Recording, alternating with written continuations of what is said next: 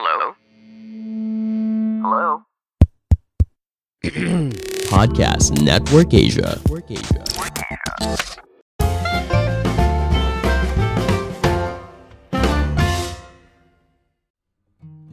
Halo semuanya, kembali lagi bersama saya Madianto. Kali ini kita akan membahas tentang berapa sih jumlah tabungan ideal sesuai usia dan juga tips menabung yang efektif.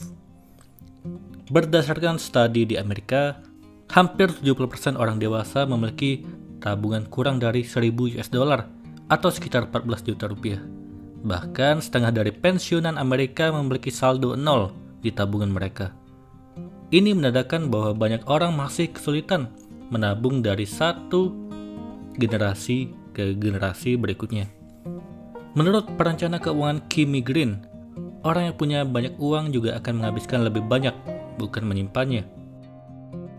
Banyak generasi muda berpikir, saya akan menabung lebih banyak ketika menghasilkan banyak uang, walau dia menghasilkan 50.000 US dollar atau 20.000 US dollar selama setahun. Kita semua punya tantangan dalam menabung.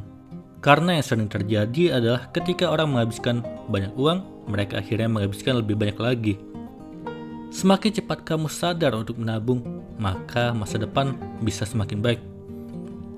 Berapa usiamu sekarang? Ini adalah rumus sederhana yang dapat membantu memiliki jumlah tabungan ideal untuk masa tua. Ketika usia 20-an, disarankan untuk menabung sejak usia 20 kalau ingin hidup nyaman di hari tua menabunglah minimal 25% dari seluruh pendapatan kotor yang dimiliki setiap bulan.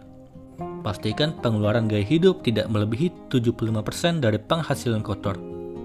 Jumlah tabungan yang disarankan ketika berusia 30 tahun setara dengan penghasilan tahunanmu. Jumlah tersebut tidak harus dalam bentuk uang tunai, bisa termasuk investasi dengan model lainnya.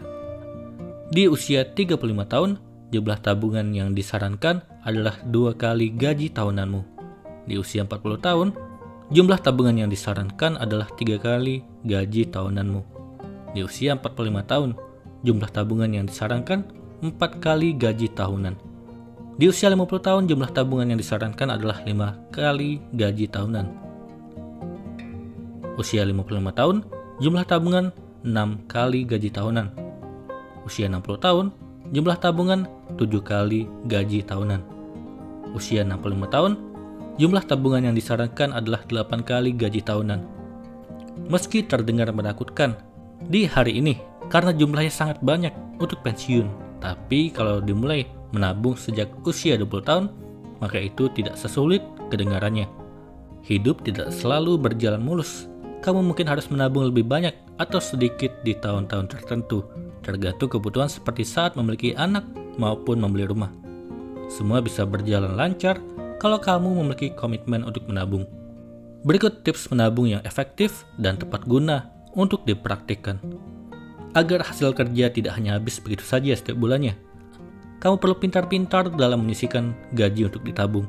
Tapi apakah kamu sudah tahu bagaimana cara menghitung besaran yang harus masuk tabungan? Sebagian besar dari kita menghabiskan ratusan jam kerja setiap tahun untuk mendapatkan sebagian besar uang yang kita miliki sekarang.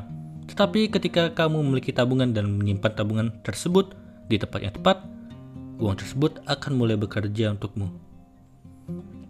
Berikut adalah tips menabung yang efektif. Yang pertama, buatlah anggaran.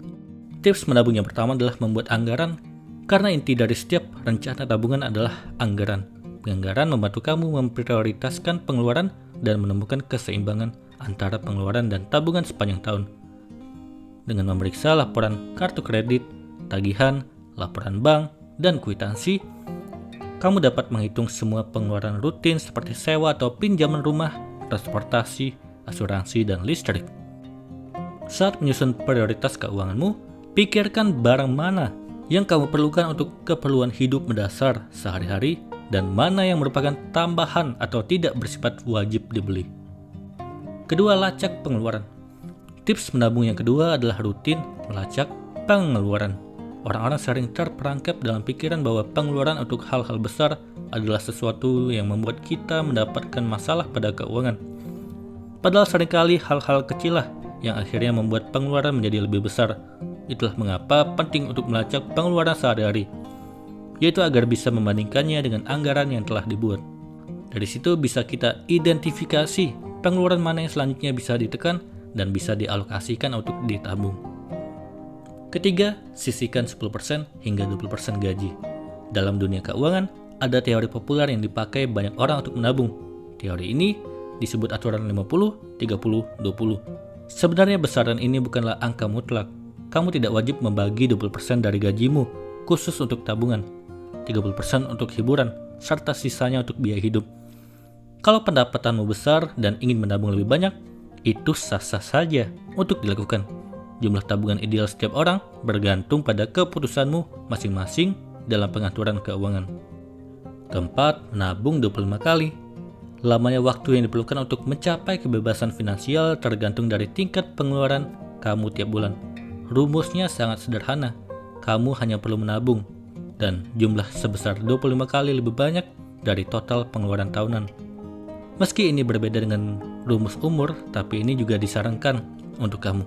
Oleh sebab itu, semakin kamu menghemat pengeluaran tiap bulan dan menabung dengan presentasi tinggi, maka kebebasan finansial bisa lebih cepat diraih. Dan yang terakhir, hindari pengeluaran impulsif. Tips menabung yang terakhir adalah menghindari pengeluaran yang impulsif.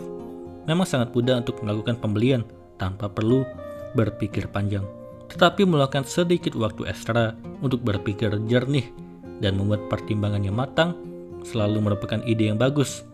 Menghindari pembelian impulsif adalah salah satu langkah pertama menuju pengelolaan uang yang baik. Sebaiknya tunggu 30 hari sebelum kamu benar-benar membelanjakan uangmu. Setelah satu bulan berlalu, keinginan untuk berbelanja tersebut mungkin telah berlalu juga, dan kamu akan menghemat uang hanya dengan sabar menunggu. Itulah tadi tips menabung yang efektif dan jumlah tabungan yang ideal sesuai usiamu. Semoga ini bermanfaat. Sekian dan terima kasih. Pandangan dan opini yang disampaikan oleh kreator podcast, host, dan tamu tidak mencerminkan kebijakan resmi dan bagian dari podcast Network Asia. Setiap konten yang disampaikan mereka di dalam podcast adalah opini mereka sendiri dan tidak bermaksud untuk merugikan agama, grup etnik, perkumpulan, organisasi, perusahaan, perorangan, atau siapa pun dan apa pun.